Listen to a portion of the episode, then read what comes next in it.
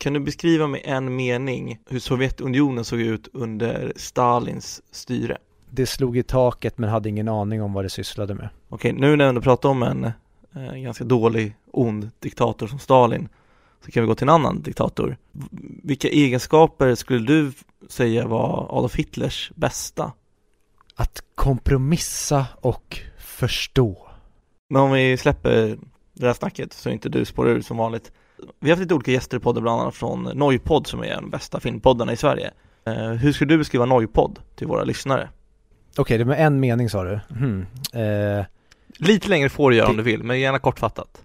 Det är alldeles för mycket bröd och alldeles för lite smör och sen så kommer någon in och lägger en limpa på den andra limpan men de tar bort smöret och sen är det som att någon kommer in med ketchup på en Skogaholms limpa och tror att det ska kunna på något sätt ersätta smöret och sen så vill ingen äta och alla spyr och ingen är glad och sen så är alla bara ledsna. Det var mm. typ en mening. Ja, det var typ en mening. Jag, jag godkänner den. Tack. Och eh, till sist då, då. Vad tycker du egentligen om Harvey Weinstein? Jag tycker att han är alright, alright, alright. Okej, okay, ja men det kanske funkar. Själva idén på det här är att jag kommer nu gå fram och ställa nya frågor så jag kommer använda samma svar. Men sen inte säga någonting till lyssnaren. Okej, okay, så du kommer ställa andra frågor, klippa in mina svar? Exakt. Eller jag kommer, kommer, kommer klippa ut mina frågor och sen använda ditt, dina svar. Typ som, vad tycker du om Noipod? Och då kommer du bara säga att det är bröd på bröd och inget smör. vad, vad var det Adolf Hitler gjorde så bra? Då kommer du säga att det var kompromissa. Och förstå. Och, och förstå. och sen nu, nu, nu, när vi kommer hit kommer då lyssnaren förstå att jag, att jag har bytt, bytt ut det. Ja, ja du, vi får se vad du gör med det här. Det, det ska bli kul att höra när du, eh, du, du inte bara tar mig ur mitt sammanhang och spelar upp utan du verkligen gör om mig helt. Men jag älskar det. Jag älskar när man eh, sabbar extremt medvetet och väldigt ambitiöst. På de där två minuterna av förvirring tycker jag det är värt det. En, en sån grej, det var, jag såg en tweet häromdagen, jag tror att det var våran eh, tidigare gäst Sebastian Mattsson som twittrade det, men han sa, eller han sa, han twittrade att vilken författare skäms du mest över att du inte har läst? Och direkt kände jag bara, jag vill ju säga Adolf Hitler. Men där, det farliga också då med text är att då kan ju folk, precis som du nu har gjort med mig tidigare, de kan ju vrida det där och missuppfatta det väldigt mycket. Men jag skulle vilja säga att jag tycker ju ändå att att ha läst Adolf Hitler, det ger någon slags cred. För jag tror att det är väldigt få som, i alla fall i, garanterat i min bekantskapskrets, som har läst Mein Kampf. Men jag skulle säga ändå att det är credit att ha läst den, för jag, de som jag har hört har läst den säger att Hitler framstår som ännu galnare när man har läst den. Men eh, alltså, jag skäms inte över att jag inte har läst det. Men jag kan förstå vad du menar. Att det, alltså, det, det är bra mid, alltså, samtalsämne under middagar att ta upp. Men det är samma sak, han som skrev, du vet Unabomber? Hans mm. manifest är jag mer intresserad av att läsa. För det handlar väl lite mer om hur vi människor är robotar idag och bara följer samhällets regler som slavar typ. Fattar du som? Ja, han kanske hade rätt då. Jag kanske också ska bli någon slags Unabomber då. För det som du sa nu makes mycket sens. Men jag brukar alltid säga det, att du är ett CIA-experiment ifrån att vara en massmördare. Och då vet jag vad jag ska skylla på sen. Det är CIA. CIA? Den dagen jag tar upp puffran och pepprar. Säger det. CIA made me do it. Och om CIA vill att vi ska sluta prata skit i någon så får de gärna sponsra 100 Mic Podcast. Gärna med en kulspruta. Svårt att sälja? Nej, kanske ganska lätt att sälja. Åka ner till Malmö bara? Nej. Nu, Fredrik, har du sådana där fördomar du behöver arbeta med igen. Men nog om dig. Jag tycker vi eh, kanske ska dra igång det här kalaset. Ja, jag tar avstånd från allt. Tack. Hej.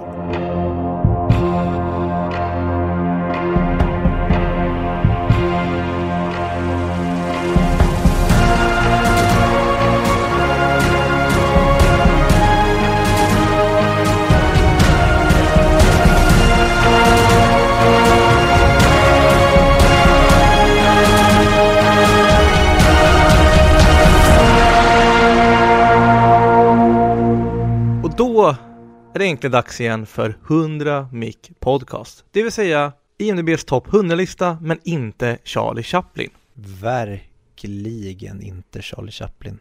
Nej, Vi har som vanligt ett samarbete med eh, Sveriges största filmmagasin online som heter Moviesin. Som är väldigt kul. In och läs lite och eh, sprid oss medan du läser det. Det hade varit jättetacksamt. Jag heter som vanligt Fredrik och med mig har jag min kollega Viktor som vanligt. Kul. Och vi har kommit fram till placering 38. Nu får du hjälpa mig med matten Viktor. Är det 63 avsnittet då? Mm. Eh, och det är alltså då filmen som heter Back to the Future från 1985. Och den är då gjord av Robert Zemeckis, men det är väl lite Steven Spielberg som är liksom huvudutgivare, eller vad man ska säga. Eller hur skulle du förklara det, Viktor? Ja, vi kommer komma in på det sen när vi pratar om själva filmen, men det är ju eh, pappa Spielberg som har släppt fram Robert Zemeckis och Bob Gales manus som de, äh, nej, vi släpper det där, vi tar det sen när det är dags för filmsnacket, men ja, helt rätt. Mm. Spielberg är lite gudpappa och eh, Zemeckis är hans lilla prodigy. Exakt, och vi kommer in på den närmare filmen egentligen. Men mm. Eh, mm. du vägrar ju alltid svara på hur du mår, trots att ibland kan jag tro att du har haft ett nervöst breakdown. Men vi släpper det för nu. Har du sett någonting roligt den här veckan? Eller? Ja, det... Eller ser du fram emot att se någonting roligt framöver? Mm. Det låter så jävla klyschigt och muppigt att säga egentligen skulle jag tycka. Men jag ser väldigt, väldigt mycket fram emot eh, alltså fortsätta på listan. För som vi har pratat om tidigare så har vi ju nu betat av och återigen alltid samma film som får vara den största slagpåsen. Men Dangal och Bollywood, Go fuck yourselves. Jag är så jävla klar med er. Men alltså de kommande filmerna som är på listan ger mig ju ståfräs bara av att tänka på dem. Så att jag är svintaggad på att bli inom citationstecken tvingad att se de här filmerna som kommer framöver. Men om jag istället för att ska blicka framåt och blicka bakåt så såg jag för första gången häromdagen The Thing. Har du sett den? Alltså inte den ganska gamla skräckrullen? Jajamän, John Carpenters eh, body horror klassiker från 1982.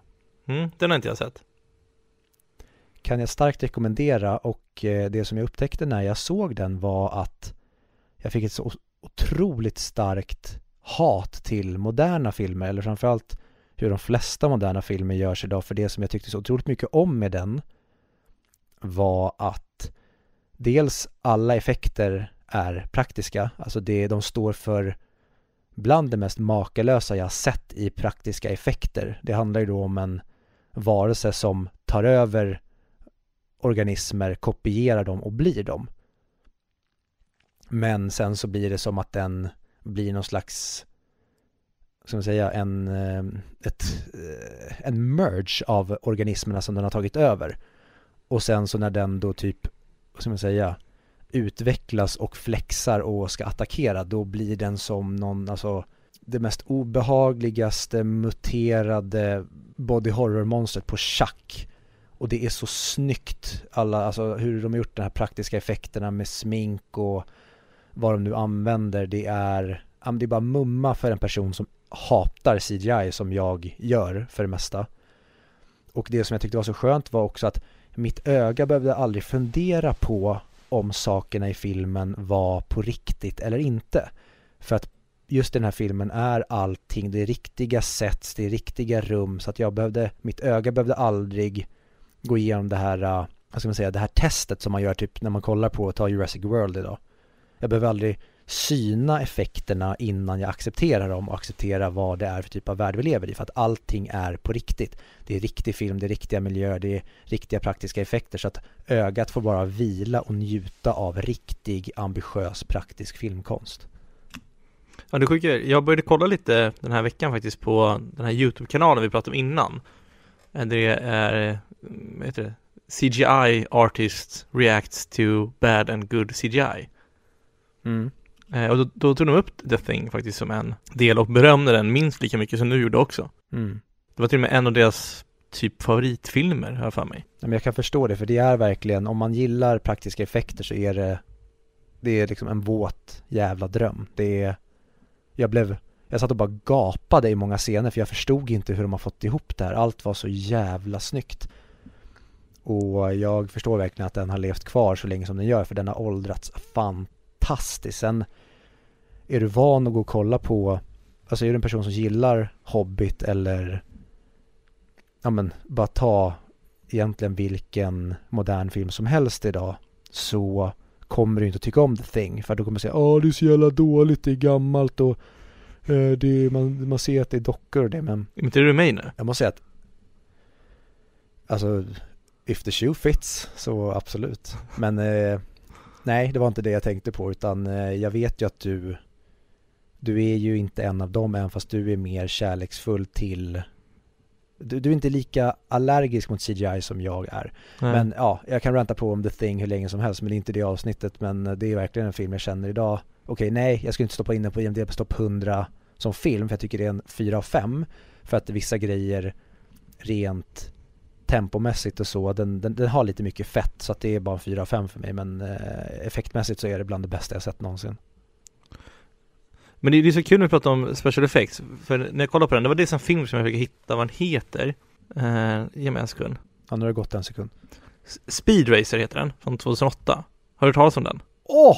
Sjukt! Jag såg just den SFX eh, ehm, Nej, jag såg aldrig de pratade om den men jag såg just den där slut, är det slutsekvensen du pratar om. Ja, det är någon, ja exakt. De, jag, jag har inte sett filmen, men jag hörde, hörde någon prata om den och sen såg jag lite bilder från den i Mhm. mm. Youtube-videon och det såg helt magiskt ut. Och jag tycker det är så coolt när så folk som jobbar med det, vad, alltså för se, se vad de gillar för specialeffekter. Och Mm. när, de- när de kommer in på det att vissa specialeffekter handlar inte om att, om att det ska se verkligt ut. Och det känns så mycket mer tacksamt då som en artist, eller CGI-artist, eller VFX-artist kan man ska kalla tror jag. Att verkligen skapa sådana scener. Så som eh, den är, Speed Racer. Mm. Så jag, blir- den blev jag astaggad på att se bara för att få se Alltså allt, de fina färgerna och de magiska CGI'n. Men eh, Ja, för jag såg, jag vet inte om det var i samband med den, det YouTube-klippet du pratar om. Men jag såg just typ, vad ska man säga, klimaxet i Speed Racer. Och jag måste säga att det är definitivt topp fem av det mest intensiva jag sett. Jag blev ju typ åksjuk för att det var så Ja. Det, det, det, är svårt att förklara, bara gå in och youtuba typ Speed Racer ehm, Jag vet inte vad jag ska söka på, Speed Racer scenes eller någonting Men, och kolla på det för det det är just det som du pratar om, att det ser inte bra ut. Men de, de verkar ha sån jävla jag ska säga, sånt självförtroende, det känns verkligen som de vet vad de gör.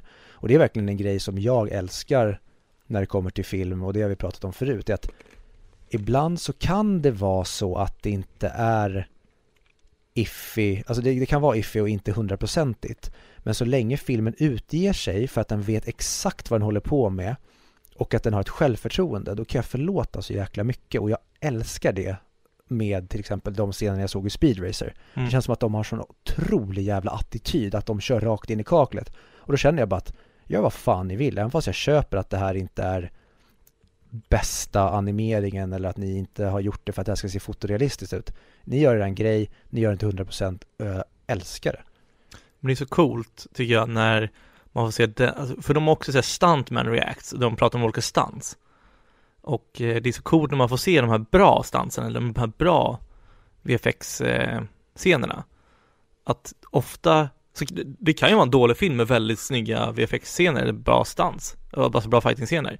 Och då, och då tror jag att det ofta är när regissören är så smart att de ger jättemycket frihet till de som är experter på området till exempel är ju de, de pratar i samma avsnitt som är det är VFX Artist React to Bad and Great CGI 30, nummer 36 Det här avsnittet. Där pratar man om att så här, det, det är många som gör coola fighting-scener men det är liksom någonting som saknas.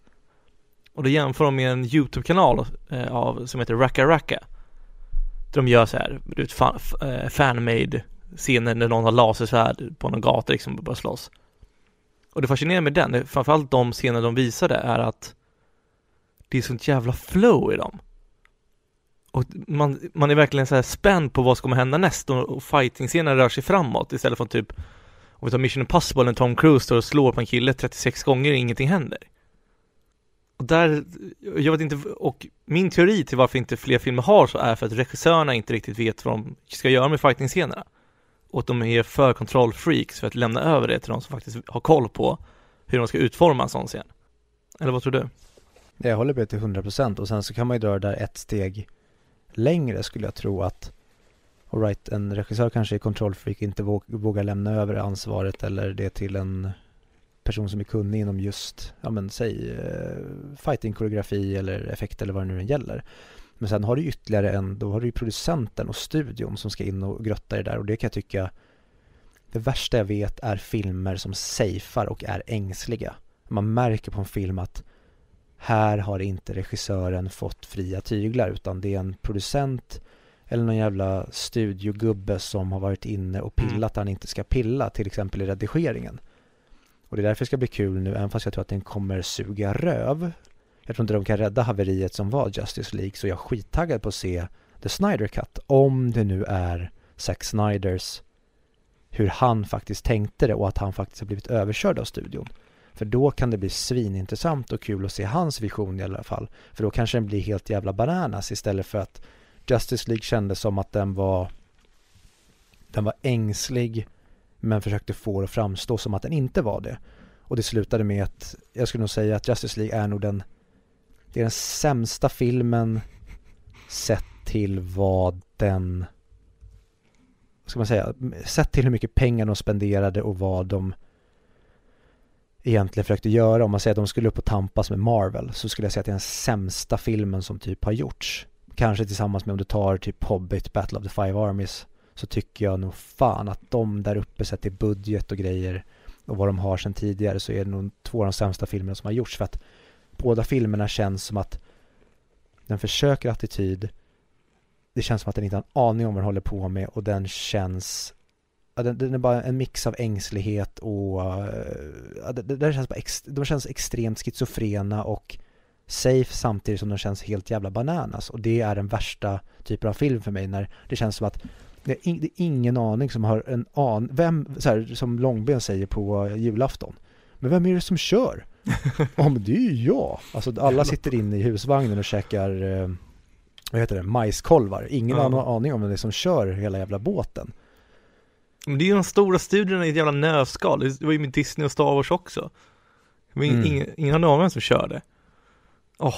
Men det är en cool sak de nämner i den där. Och de ger eloge till, och vilket jag håller med om, kan typ vara en av de coolaste alltså CGI-scenerna av all time. Det är när, när en transformer hoppar upp i luften och förvandlar sig själv till ett jetflygplan och, och flyger iväg. Ja, för det har blivit vår käpphäst ändå att att slå väldigt mycket på Transformers, men det är någonting som jag verkligen ska ge Transformers, det är att jag tycker att effekterna är gorgeous.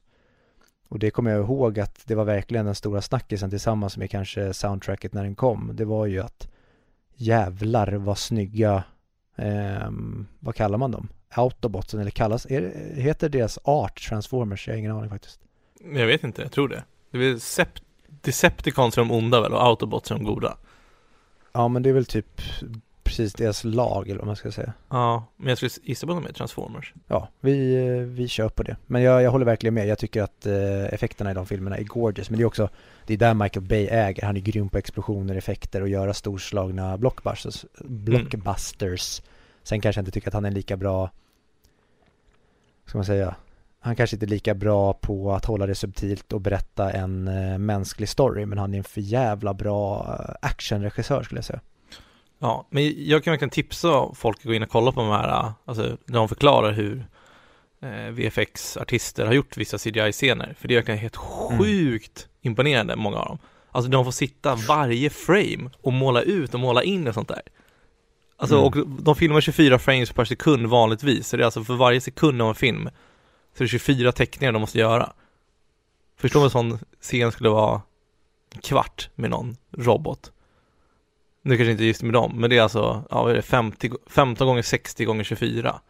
Ja, och en anledning till varför man kanske tycker att ja, men effekterna i vissa filmer idag är bristfälliga trots att ja men den har jättemycket budget och den, eh, vi lever 2020. Det är ju för att tyvärr istället för att man ger effektmakarna mer tid och mer pengar så är det nästan som att många bolag typ aktionerar ut att de ska göra det här på snabbast tid för minst pengar, typ de får jobbet ibland. Alltså man gör motsatsen till hur det borde vara. I The Boys till exempel så hade de en, de hade med han som var ansvarig och jobbade på det företaget som gjorde all CGI i den serien. Den, alltså, och där förklarar jag lite att de gör ju allt de kan, alltså dels så fick de ju jättemycket tid och budget, de verkligen eh, producenterna litade på att, att en bra CGI skulle göra serien mycket bättre, vilket jag tycker var bra. Mm. Men också så här scener, de är så långt utzoomade eller där det går snabbt eller kaka, eh, kameran är skakig. Då så kommer man undan med ganska mycket. Men det sjuka Mm. är i The Boys, valen. Kom ihåg valen. Det, det är riktigt, det är ingen CGI. När den ligger på stranden. Nej, det är väl en praktisk effekt vill jag minnas. Ja. Men jag vill minnas att sekvensen fram tills valen hamnar på stranden är bedrövlig CGI. Jag tycker det är ganska bra. Jag kan ha fel. Mm, så kan det faktiskt vara. Ja, ja. Ja, men jag tänkte ju köra en övergång när du hamnade in på Star Wars. Då tänkte jag dra upp eh. Kathleen Kennedy så att vi kunde få boxa lite henne i magen. Men eh, Kathleen Kennedy har ju inte bara stått för skit, utan Kathleen Kennedy är ju med och producerar Back to the Future. Oh, ska vi prata lite om det då? Det kan vi göra, så jag tycker vi hoppar över till filmen. Hej.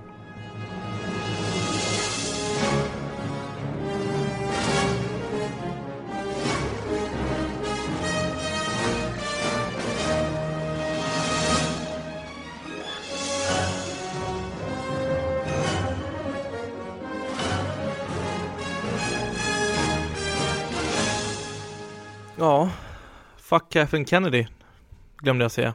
Men nu är vi framme i alla fall. Vid hennes, eh, en, av- en, en av hennes bättre filmer kan man väl ändå säga. Som är Back to the... Ja. Vadå? Nej, jag bara höll med. Ah, okej. Som är Back to the Future från 1985.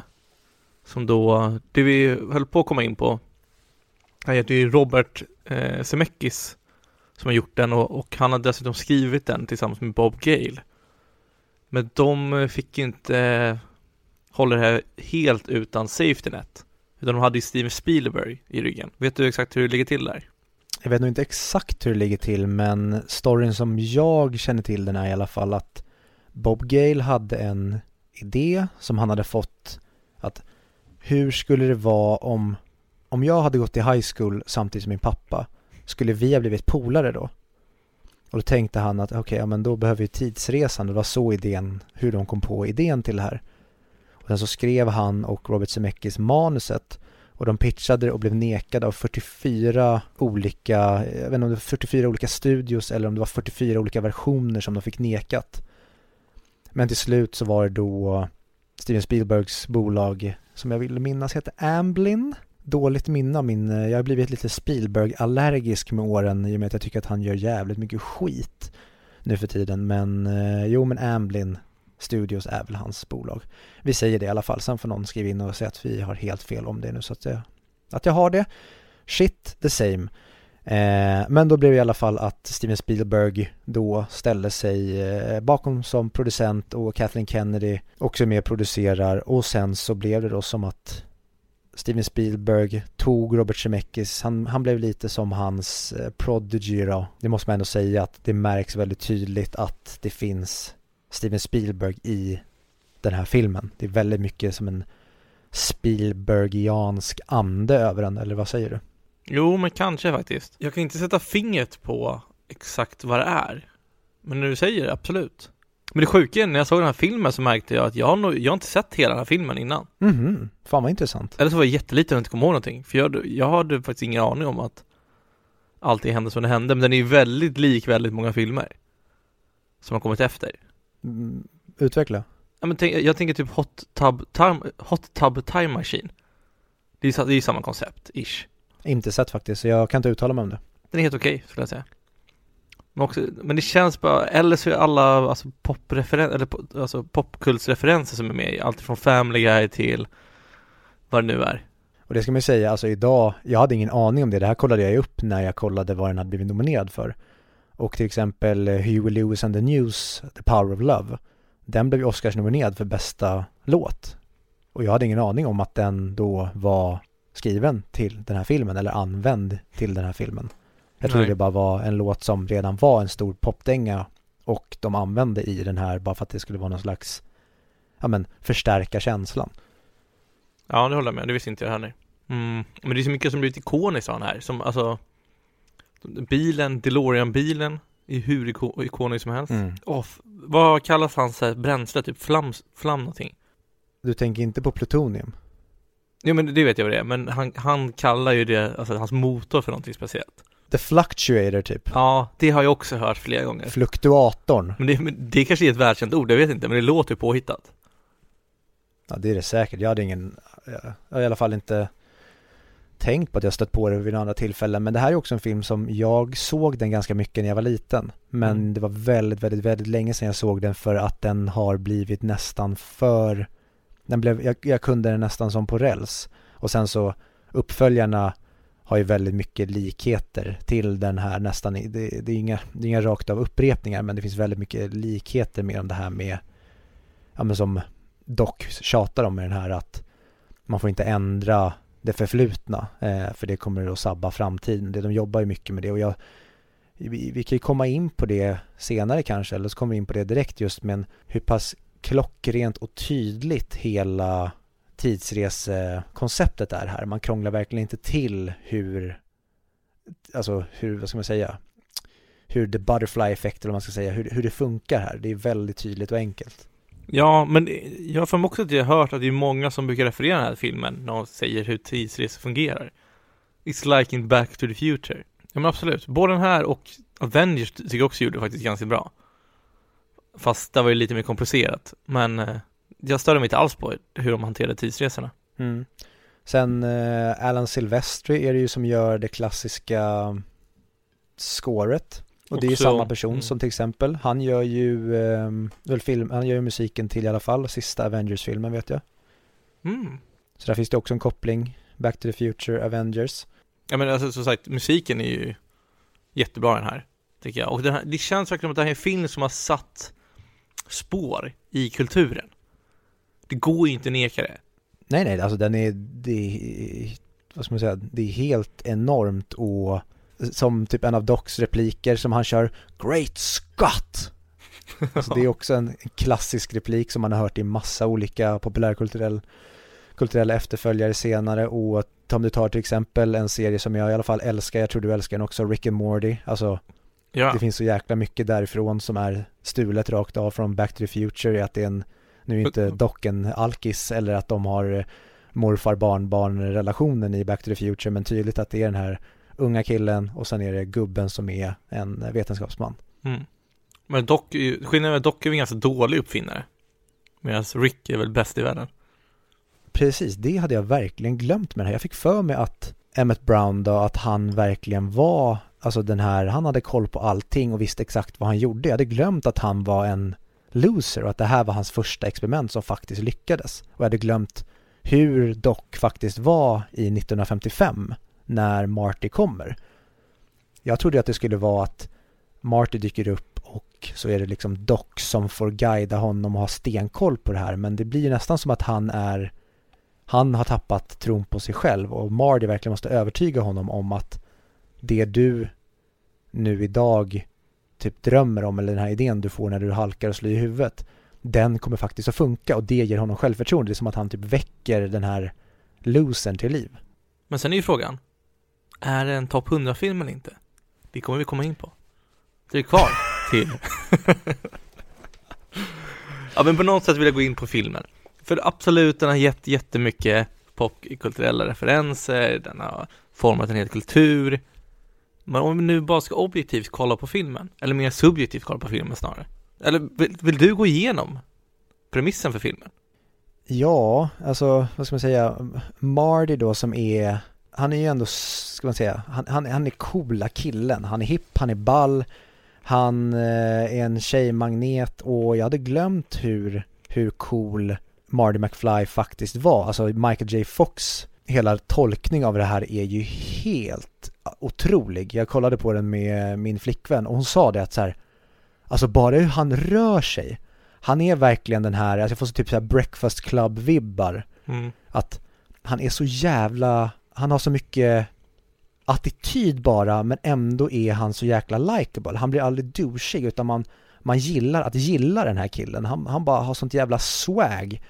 Och hur de introducerar Mardy med, ja men är, är sent till skolan och att han, det här liksom hans fjärde strike och han, hur han samtidigt som han är med sin, sitt kärleksintresse då, Jennifer, så håller han på och kollar på andra brudar. Han, han, han borde egentligen vara väldigt osympatisk, Michael J Fox levererar Marty McFly så att man bara älskar honom. Och det är också lite kul för att från början så var Michael J Fox, han var verkligen the first choice för att spela Marty.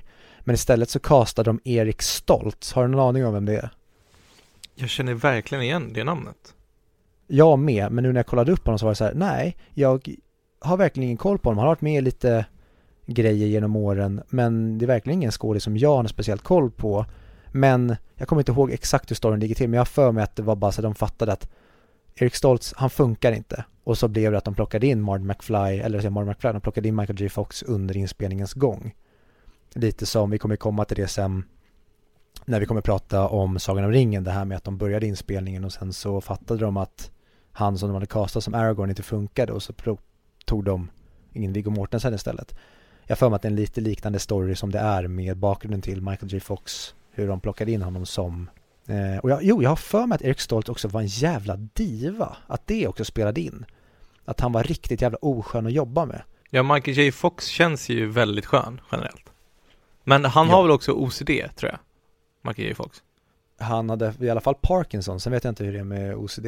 Så det är, det, det är också skittråkigt för att Spin City var ju, det är kanske där som är det mest klassiska exempel, exemplet, men Michael J Fox var ju den stora stjärnan i Spin City som var en jättepopulär sitcom på 90-talet. Mm. Men hans Parkinson blev till slut för jobbig så att han kunde inte fortsätta och det är därför Charlie Sheen kom in och ersätter honom i de sista säsongerna av Spin City. För att där blev det för, eh, ja, det blev för jobbigt för honom att arbeta. Och det som du pratar om OCD, jag vill minnas att hans roll i när han gör en, eller en, eh, vad säger man, en guest star i Scrubs så är det väl att hans eh, roll där är att han måste ta på allting till rummet så här ping, ping, ping, pong, ping, ping, pong. Ja men där har han ju OCD.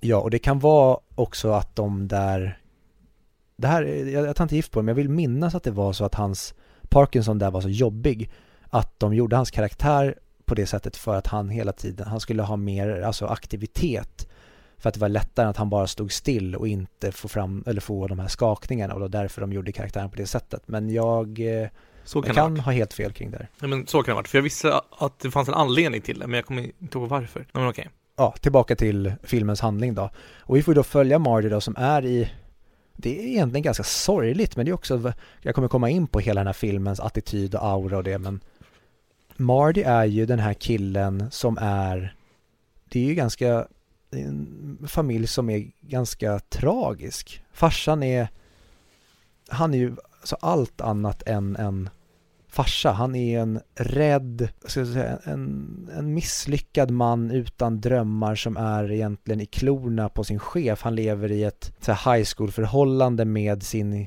han som var mobbaren i, när han gick i high school har uppenbart idag blivit hans chef som idag, istället för att han gör hans läxor, så skriver han hans rapporter. Och morsan ja, är ju uppenbart inte förälskad i pappan. Hon har blivit alkis, vilket också egentligen är jättemörkt. Men som de spinner på ett väldigt roligt sätt, att de gör det här till humor istället för att de gör det till att Marty McFly lever i misär. Och sen så, för att jag, jag minns inte hur tidigt, jag nästan minnas i en av de första scenerna innan Marty då ska åka till skolan så åker han hem då till Dr. Emmett Brown som man vet inte riktigt vilken relation de har här. Och så är det så kul att han vrider på allting på max och det tycker jag säger så mycket om Marty som karaktär att han är den här personen som han, ge, han vill ge allt, han bara kör och det med att han kommer hem då till Doc, vrider upp alla de här grejerna på max och så tar han fram elgitarren och sen så ska han bara köra när han drar igång och slår på strängarna då bara typ exploderar och blir för mycket tryck så han flyger in i en bokhylla och blir begravd i den. Och jag tycker det är en så jäkla nice tidig introduktion till vad Marty är. Ja. Där i alla fall så ringer telefonen hemma hos, eh, hemma hos eh, Doc och han säger åt Marty att de ska mötas på, vad heter den, Twin Pines Plaza. Eller Twin Pines Mall Plaza, eh, vad är det, ja strax efter halv två på natten. Och säger bara att Marty ta med det här, du får inte eller ta med filmkameran, du får inte bli sen. Um, och sen så är det egentligen där filmen kickar igång. Och sen så dyker Mardy upp där och så får man veta i bakgrunden också massa grejer som, som jag tycker är så briljant planterat i den här. Utan filmen är ju en konstant plantering, vi visar det och sen blir det en payoff. Allting liksom som du brukar prata om, foreshadowing. Det är, det är egentligen vad hela den här filmen, det är ett konstant hjul av foreshadowing. Att de lägger upp grejer som sedan dyker upp. De lägger upp för en grej som sedan dyker upp. Den mest klockrena är väl, ja, pun intended, är ju klockan. När de säger, ja den är sönder men vi ska renovera den. Eller vad de säger. Mm. Och sen så, redan där visste jag, okej okay, den här kommer vara hel sen när de åker tillbaka, det är så man kommer fatta. Eller så de kommer visa oss också i publiken. Vilken är, alltså, mm. alltså det är en hundra mixskada skulle jag säga. Jag hade aldrig tänkt så innan jag satt och höll på med den här podden. Men jag tycker ju att det går tyvärr lite till överdrift hur mobban han pappan är. Man sitter ju mer och tänker så här. Vad i helvete är det som försiggår? Alltså det är så här, det är en vuxen man som står och nudgar honom. Varför ser han inte ifrån? Jo, och det, det kan jag tycka att den här filmen är så himla den är ju väldigt överdriven på många sätt och väldigt övertydlig i allting. Mm. Men det är också en del av hela filmens charm och attityd, det som jag pratade om innan. Om man ska gå in med att, att saker är överdrivna i den här och tycka att det inte funkar, ja, då kommer filmen att tappa det direkt. Men det är just det här som jag älskar med den är hur over the top den faktiskt är. Det här med att vissa mörka grejer, den, den vrider allting till någonting kul och överdrivet. Och istället för att vi typ tycker synd om pappan eller att vi ehm, eh, tycker att det blir någon slags misär så blir vi istället typ frustrerade slash garvar åt honom men jag kan hålla med dig om att George McFly är filmens svagaste bit. Jag tycker att i övrigt de här tydliga stereotyperna blir så jäkla bra när de först presenterar hur pappan är i början och hans relation med Biff, hans chef. Och sen så blir det så jäkla roligt när de sen är i 1955 och vi får se exakt att deras relation och förhållande var precis likadant då. Och då blir det just det här med som då Doc pratar om att du får inte ändra det förflutna för det kan fucka upp framtiden. Mm. Och sen så vi kommer komma in på slutet vad det blir för payoff på det hela men det tycker jag blir så jäkla kul. Också hur det faller fel ut och hur det blir som någon slags sideplot i det hela med att Mardy ska få mamman att bli förälskad i George men att hon istället är kär i Mardy och ett av filmens absolut roligaste gags tycker jag är Calvin Klein-grejen. Tycker du? Calvin Mardy Klein kallar honom för ett tag och att ja men och jag hade glömt det att när han vaknade hon säger det ja men Calvin och han bara varför kallar du mig Calvin? Men det står ju på dina kalsonger, det är också så jävla roligt att så här, varför skulle det, bara för att det står på hans kalsonger, varför skulle, det vara, uh, varför skulle han heta det? Men det är genial marknadsföring av Calvin eh, Klein där egentligen. Att få mm, in det i filmen mm. på det sättet. Wow. Tror du att det är Bob Gale och Zemeckis som har skrivit in det eller tror du att de hade kunnat göra det som ett annat kalsongmärke? Alltså att de typ inte gick till högst bjudande men att de frågade kanske några kalsongmärken som hade kunnat funka och så, så här vill ni slänga in lite pengar som en marknadsföringspeng så kommer vi ha med ert företag. Det, det intrycket jag har fått av marknadsföringsvärlden, i alla fall av sådana där sorters marknadsföring, jag, jag jobbar med, med digitala, men det är att just att de, alltså de har ju någon byrå där alla är connectade till och sen säger de, ja vi behöver några som gör kalsonger och, och det ska vara ett namn. Eh, vi vill ha så här mycket pengar för det, eller vad vill de betala för att vara med där? Och sen skriver de bara in det, så de mm. lämnar det blankt tills någon kommer in. Det hade kunnat vara Björn Borg om det var nu i tiden också liksom. Mm.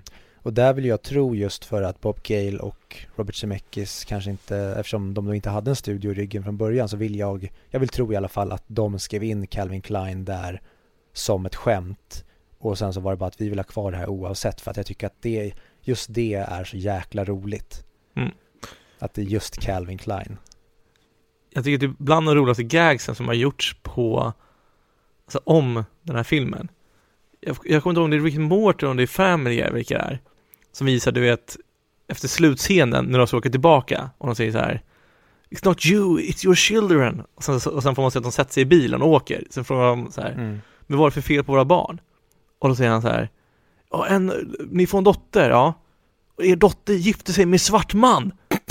Och de så här, ja men, vi är okej okay med det. What? You are? Och sen är det hela scenen att han vill åka tillbaka och stoppa deras barn för att gifta sig med en svart man. Nu att Emmet Brown bara är en rasist. Ja, exakt. Han du kan vara rasistisk gubbe bara, som är född på 40-talet. Jag tycker det är så kul. Att de gör till världens grej, så här, vi måste göra en till film. Ja. Ja. Nej, för fan. Det, det är också en grej som jag älskar med sitcoms och, och Family Guy är ju briljanta på det och det är även Simpsons varit, även fast jag inte är en mm. supervurmare för Simpsons så det här, de, de tar absurda populärkulturella grejer och så gör de jätteroliga spins på det som egentligen typ hela South Park handlar om. Ja, jag tycker också, oh, just det, det här kommer jag på nu. När de åker tillbaka så lade jag lade också märke till hur tydligt det var att eh, de här gammaldags husen i början, de är på torget, att det bara är, alltså en vägg eller vad det kallas. Vad kallas det? Silhuetter? Kulisser. Ja, kulisser. Det tyckte jag var jättetydligt då, när man kollar efter det. Mm. Och det är också en grej, för det sa jag till eh, min kära flickvän när vi tittade, så jag så här, kolla nu hur tydligt torget här i stan där det utspelar sig, hur tydligt det här är en studio. Eh, och det är också en grej, i en sämre film, i en film som inte utger sig för att vara det här, då hade jag tyckt att det är pajigt eller om det kanske hade gjorts, alltså kopierat senare. Men just för att de använder att det ska vara exakt samma torg, bara att de ändrar skyltarna, att det blir mer att de, de egentligen om, det är samma värld, bara att det är 1955, så tycker jag att det funkar så jävla bra. Mm. För sen tycker jag, filmen har ju, alltså specialeffekterna, de är ganska coola tycker jag, att det blir eld på marken. Sen så jag menar, de är inte perfekta men det var ju 85 när de gjorde filmen. Ja, egentligen innan. Mm. Eh, så det är ingenting jag stör mig på, ingen sån här konstig green screen eller liknande, tror jag. Jag tycker filmen har, den är, den är väldigt enkel i sig. Alltså mm. det, det känns som att den aldrig strular till det. Eller snarare att den har snabb pacing i så fall tror jag. Han kommer och tillbaka i tiden, han hittar professorn, lyckas övertala honom direkt. De har en vecka på sig, han måste få sin pappa göra det där, men på sidan händer det här och det här. Så det är aldrig liksom, den är aldrig, man blir aldrig uttråkad och samtidigt så tycker man tycker att allt innehåll är väldigt värdefullt. Jag håller verkligen med dig om och jag gillar hur jävla rak den är och det som jag inte gillar mer än egentligen, det sa jag tidigare, det är ju George McFlys karaktär för jag tycker att där blir jag så himla frustrerad på att han är en sån jäkla fjant. Och det kan jag tycka kanske är filmens svagaste delar, det är att det blir lite repetitivt när Mardy hela tiden måste knuffa honom i rätt riktning. Det blir så frustrerande när han är så patetisk. Så det ja. kan jag tycka att jag, jag blir trött på, för det, det, det är kanske det som drar ner den här filmen från att kanske vara perfekt, det är just George McFly-biten. Men mm. sen så tycker jag tvärtom att det som också höjs mycket då om man ska gå över till mamman istället, det är ju hela det här med, men till exempel när de sitter utanför balen och Mardy hon väntar när han har såg George att komma och ge honom stryk. Att hon då krökar som fan och röker, att man får se de här tidig, tidiga, vad säger man, ehm, stoffen till vad de är i 1985. Och det, det tycker jag är skitroligt och samma sak med, med Biff, att han är exakt samma person 1985 som han var 1955 bara att de har åldrats och fått barn.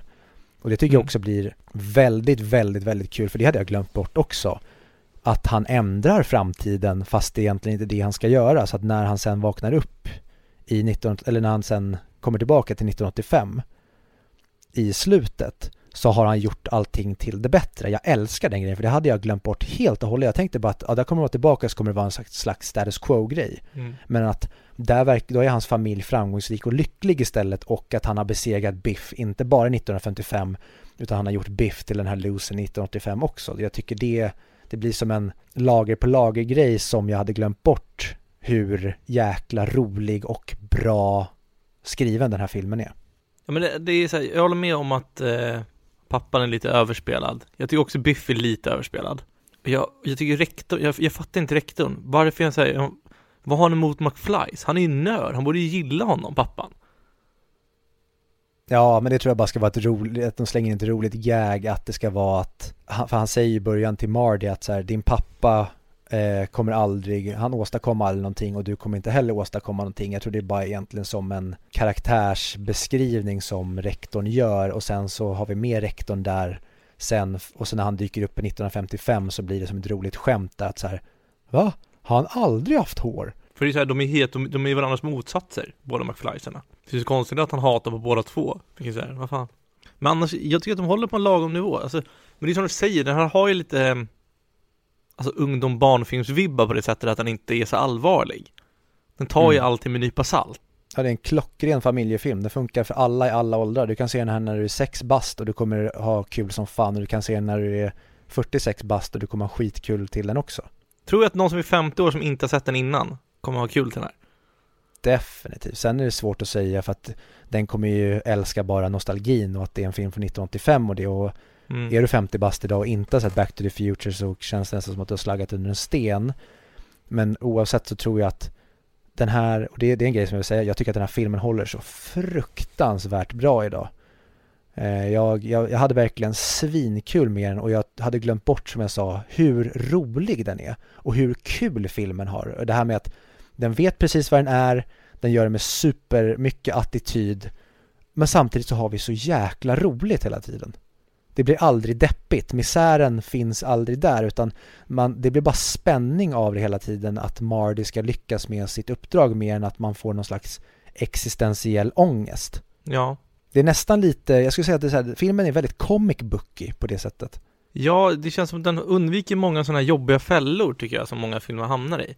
Alltså hon, mamma var en helt annan person än vad jag trodde att hon skulle vara när hon var ung. Och där, där hade man kunnat känna så här att hon skulle bli mobbad också, eller någon skulle reta henne, men det är skönt att de släpper om de så här onödiga sakerna. Som att någon skulle reta henne eller ja. Och jag tycker de håller hand på en lagom nivå att det är mest Biff som retar honom. Man behöver inte se att resten av skolan skulle hata eller vad, som helst. Och att hon får världens hot son eller vad det kallas på hennes son är också lite ironiskt.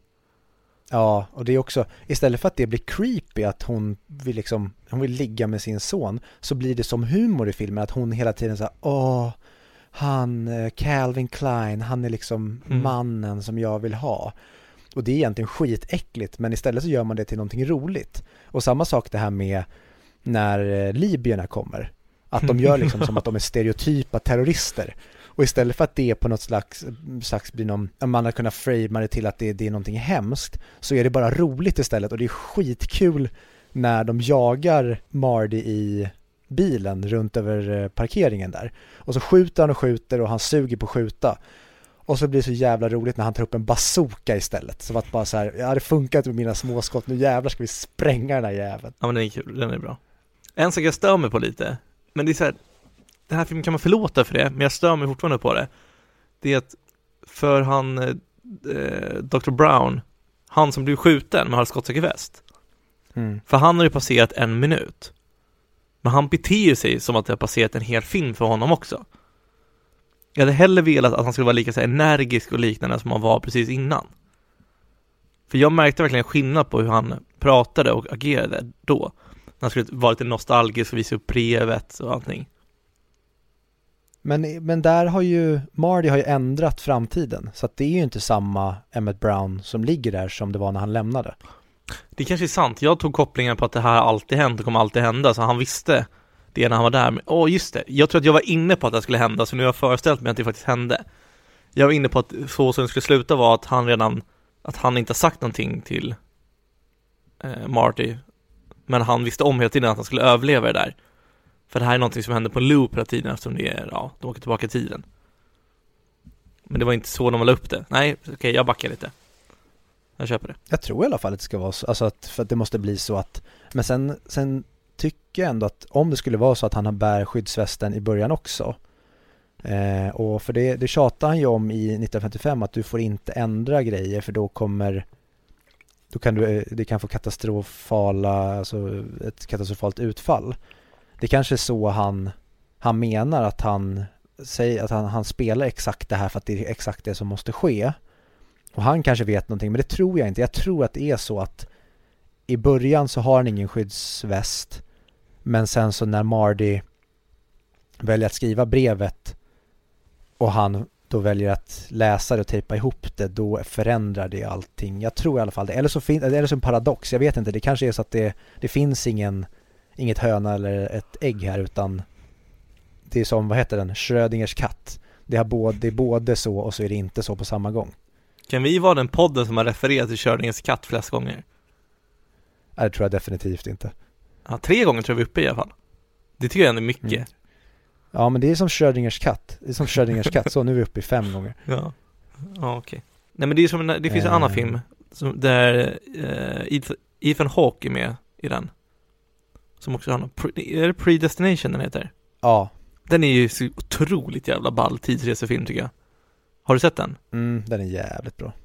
För där får man verkligen se Ja, kolla på den om ni gillar tidsresor och sci-fi filmer. Nej, den är, den, är, den är faktiskt väldigt, och den gick väldigt under radarn. Den blev inte så hypad, vill jag säga, alltså, vad ska man säga, hos gemene man. Utan det kändes mer som att det är folk som är lite filmintresserade som såg den och hyllade den. Men det, det kändes aldrig som att den slog brett. Jag kan ha fel, men det är min uppfattning.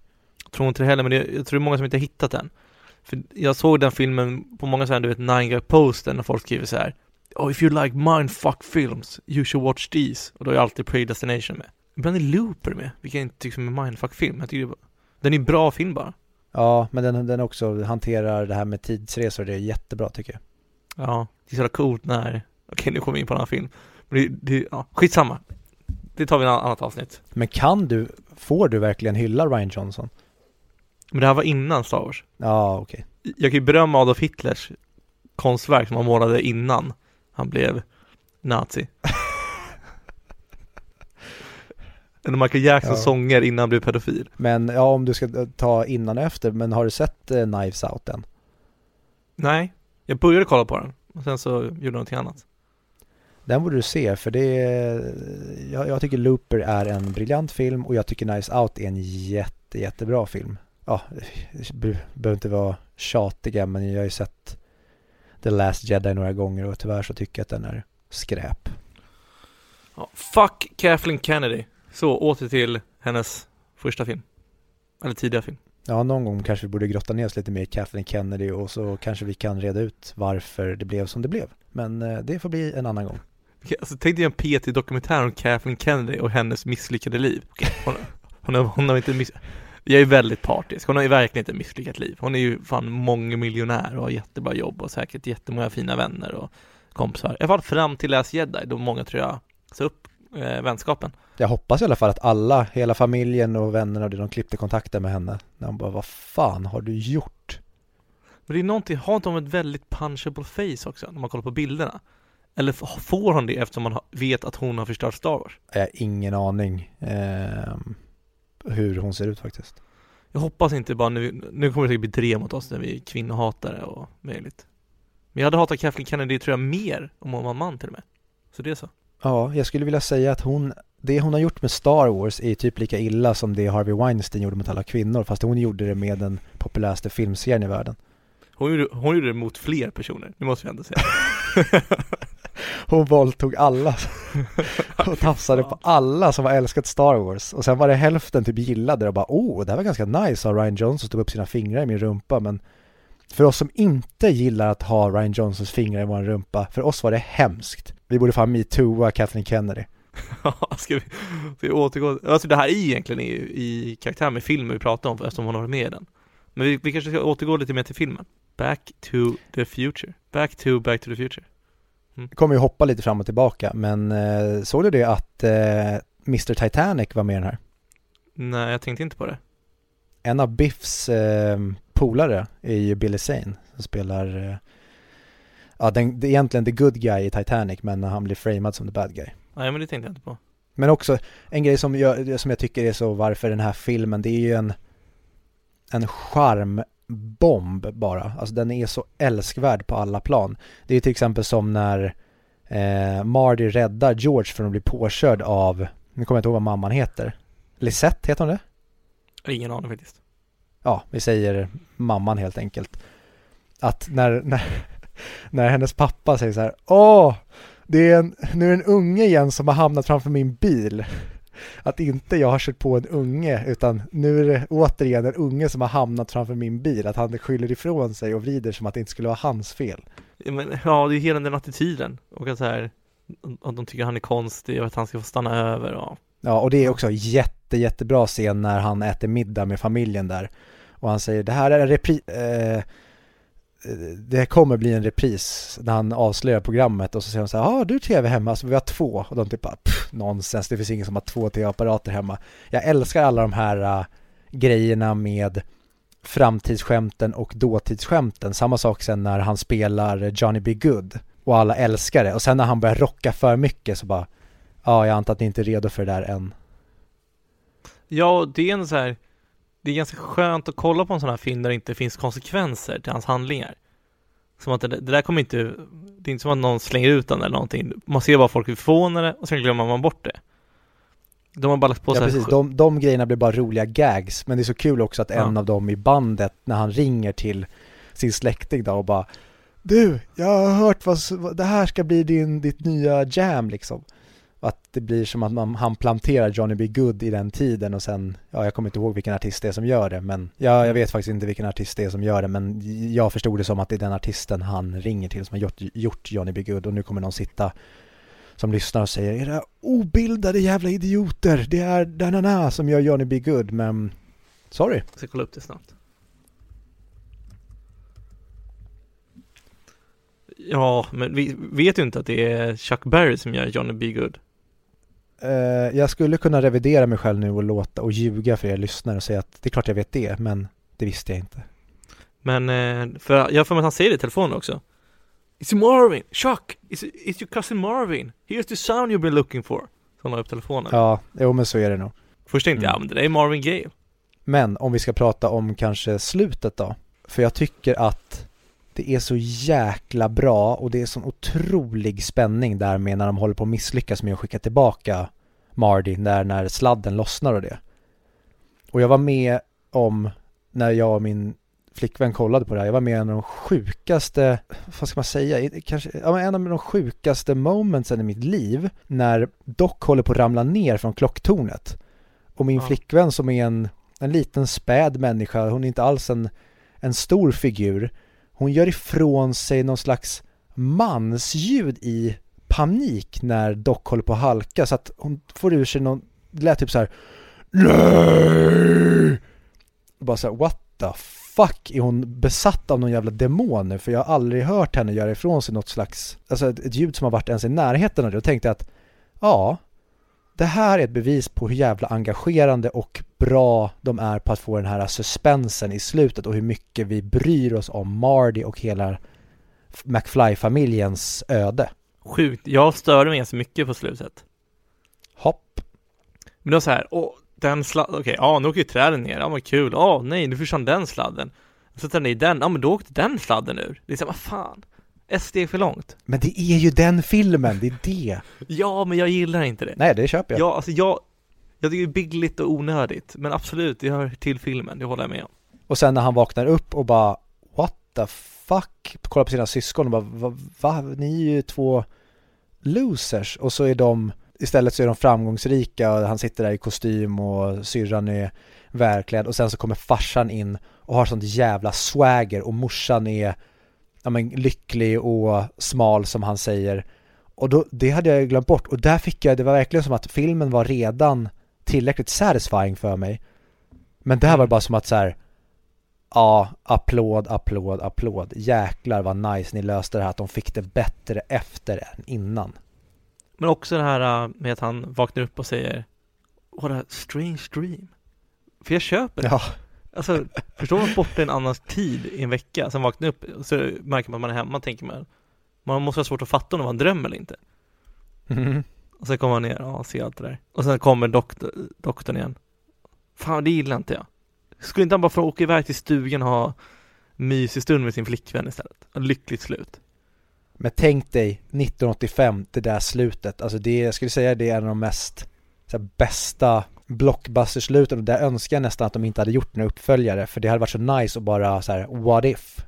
Var, så här, era barn och då, då kommer man lämnas undrande så att det inte blir ett direkt avslut de levde lyckliga alla sina dagar utan wow, det finns ett till äventyr där ute som de drog på där de nu, där Jennifer är med också. Mm. Är hon med i tvåan?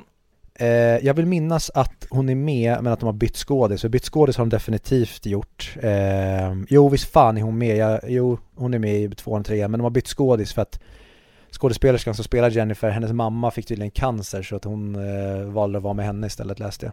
Förståeligt. Ja det är väldigt fint att ge upp, ja men en av de största franchiserna i världshistorien släpper hon för att vara med den hon älskar när hon är sjuk. Ja, är det värt att se tvåan? Alltså tvåan, det är också, det är super, eller jag ska säga så här, det kan jag ju besvara efter du har gett ditt betyg, så jag tycker du ska få ge ditt betyg nu. Jag vill bara lägga till att Billy Zane heter väl han som spelar den onda i Titanic? Eller Ja. den goda, beroende på hur man ser. Exakt, den goda. Han är med i tvåan också såg jag. Okej. Jag kör snabbt riva plåstret. Eh, 8 av 10, 95 mick. Ja men eh, ja, jag kan acceptera det för jag landar i en 9 av 10 eh, som jag sa. George McFly sabbar mycket för mig och hela den grejen blir lite tröttsam. Där tycker jag att filmen trampar lite vatten när Marty hela tiden ska få knuffa honom i den riktningen. Mm. Eh, jag önskar att de hade löst det kanske lite rakare där, att det inte var så himla många misslyckanden och att George var så patetisk. Mm. Men då kanske jag heller inte hade fått den glädjen jag får i slutet när han är en skön, cool snubbe. Men det är det som drar ner lite för mig måste jag säga. I övrigt är det tycker jag typ att det är en perfekt film. Jag älskar den. Den är så jäkla bra. Men 9 av 10 och absolut tycker jag att den ska vara med på topp 100. Jag tycker kanske att den ska vara på placering 80 då. Så kanske inte där den ligger idag, men definitivt med där. För jag tycker att det är en eh, det är en populärkulturell bomb som alla borde se och jag tror att ingen kommer tycka att den här suger oavsett som jag sa om du är 5 bast eller 50 bast. Jag tror att du kommer ha kul med filmen. Det håller jag med om. Jag tycker inte den når längre än 8 poäng för mig. Nej, men det kan jag köpa. Men Mm. om du tycker ändå att den är 8 av 10 så tycker jag ändå att du ska se uppföljarna för det finns väldigt, väldigt mycket kul om de fortsätter leka med det här äh, ja men vad, vad händer om man ändrar framtiden och dåtiden grejen och tvåan utspelar sig, det blir 2015 och det är skitkul att se ja men samma stad fast då i, i framtiden istället och det är skitroligt tycker jag alltid att se framtidsspaningar eller framtidsprojiceringar vilket de gör i, i tvåan när de då befinner sig i framtiden. Ja men då hade det i kunnat vara värt det faktiskt. För det är ju som sagt, det är kul att se de här film, typer av filmerna.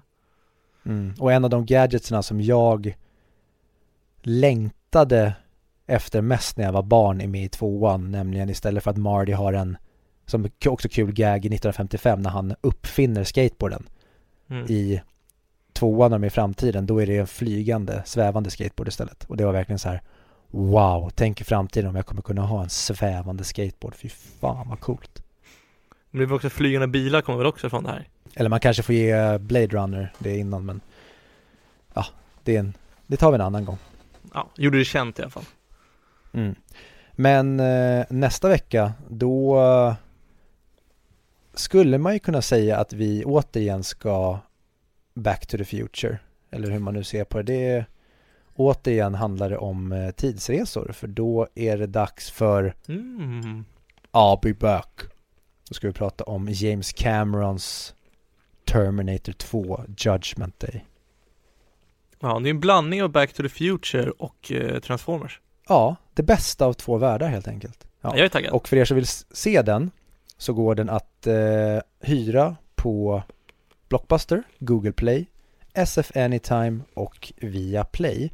Men om ni har ett Amazon Prime-konto så kan ni se den där för där finns den att titta utan extra kostnad på. Så, bra Yoda meningsbyggnad hade det där. Men så får det vara. Eh, och sen fortsätt gärna skriva till oss. Vi blir lika glada för varje kommentar vi får. Eh, framförallt jag, när jag får beröm. Men det är inte så ofta det händer, jag tror aldrig det har hänt. Men eh, också, jag vill försöka Viktor, jag, tycker alltid sånt där är så jobbigt, för det här är ungefär som, som att så här, du se åt en, en publik när man står på scen gör någonting så är det så ingen som gör det. Och det känns så pinsamt då. Men om ni känner att ni har lite tid över i vardagen, kan ni inte snickra ihop en Vem kan det vara? Nej. Vem är vi på väg till oss?